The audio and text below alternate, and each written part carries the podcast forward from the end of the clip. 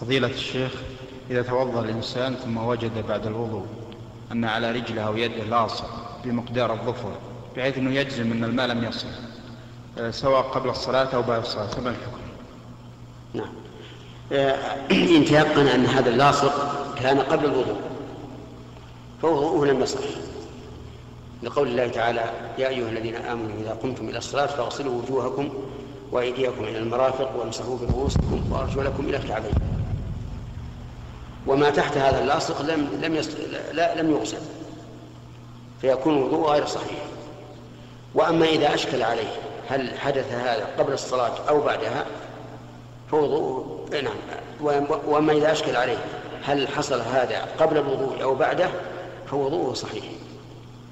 ولا ولا تلزم الإعادة لأن الأصل عدم وجوده. نعم.